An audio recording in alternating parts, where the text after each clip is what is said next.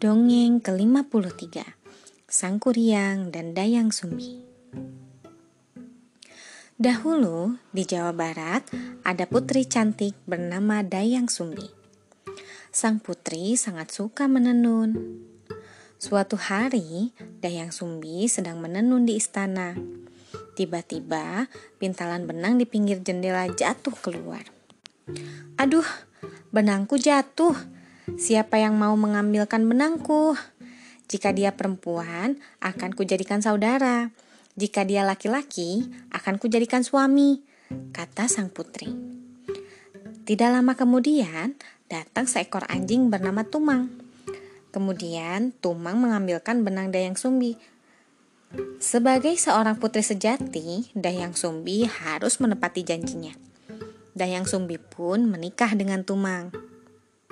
Waktu cepat berlalu. Kini Dayang Sumbi mengandung dan melahirkan bayi laki-laki. Bayi itu diberi nama Sang Kuryang.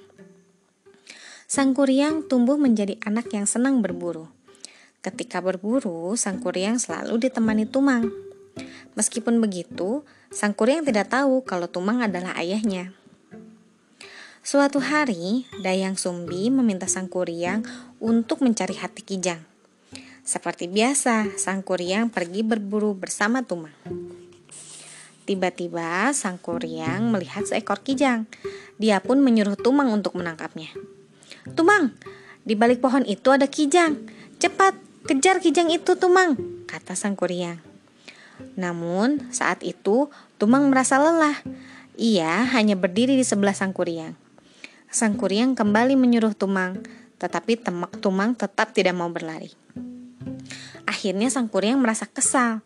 Ia segera mengambil anak panah dan memanah Tumang. Sang kuryang lalu mengambil hati Tumang sebagai pengganti hati Kijang. Sesampainya di istana, dia memberikan hati itu pada ibunya. Namun, ibunya curiga karena bentuknya tidak seperti hati Kijang. Sang kuryang, ini bukan hati Kijang. Hati hewan apakah ini, anakku? Lalu, mana Tumang? Kenapa dia tidak pulang bersama-sama? Tanya Dayang Sumbi. Akhirnya, sang kuryang dengan rasa takut menceritakan kejadian yang sebenarnya. Betapa marah dan terkejut Dayang Sumbi mendengar cerita anaknya. Dia tidak menyangka sang kuryang tega membunuh ayahnya sendiri. Karena marah, Dayang Sumbi memukul kepala sang kuryang dengan gayung yang dipegangnya. Pukulan itu menimbulkan bekas luka. Sang Kuryang juga diusir dari istana. Suatu hari, Dayang Sumbi merasa menyesal. Ia memutuskan untuk pergi menyendiri ke hutan. Di hutan, Dayang Sumbi yang saat itu sedang lapar memakan suatu buah. Ia tidak tahu kalau buah itu berasal dari pohon ajaib. Sejak saat itu, Dayang Sumbi selalu terlihat cantik dan awet muda. Waktu pun cepat berlalu. Sang Kuryang tumbuh menjadi pemuda gagah. Saat berburu di hutan, ia bertemu dengan gadis cantik. Sang Puryang pun ingin meminang gadis itu. Tanpa ia ketahui, gadis itu sebenarnya adalah Dayang Sumbi, ibunya sendiri. Dayang Sumbi juga tidak tahu kalau pemuda itu adalah Sang Kuryang, anak kandungnya. Suatu hari, Sang Kuryang akan pergi berburu. Dayang Sumbi membantu Sang Kuryang memakai ikat kepala. Saat itulah Dayang Sumbi terkejut melihat ada bekas luka di kepala sang kuryang. Dia teringat dengan anak kandungnya yang pergi dari istana. Setelah melihat lagi bekas luka itu, Dayang Sumbi semakin yakin kalau suaminya itu adalah sang kuryang, anak kandungnya. Dayang Sumbi mencari cara untuk membatalkan pernikahan itu. Akhirnya, Dayang Sumbi meminta dua hal pada sang kuryang.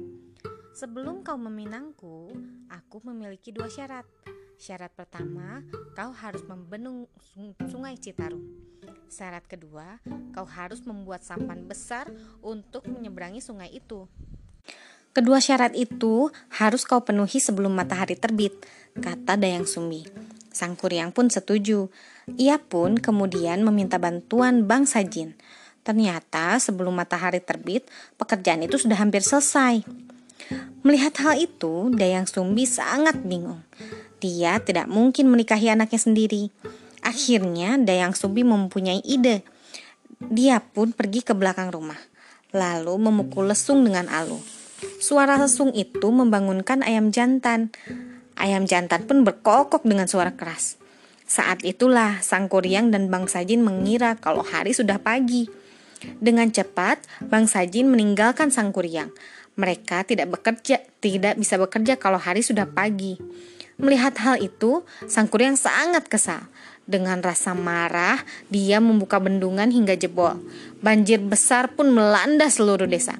Sedangkan perahu besar yang sudah jadi dia tendang hingga terlempar jauh dan terbalik. Perahu yang terbalik itu lama-kelamaan menjadi sebuah gunung. Gunung itu diberi nama Tangkuban Perahu, yang berarti perahu yang terbalik. Gunung itu masih dapat kita nikmati keindahannya di Jawa Barat. Sekian, terima kasih telah mendengarkan. Selamat malam.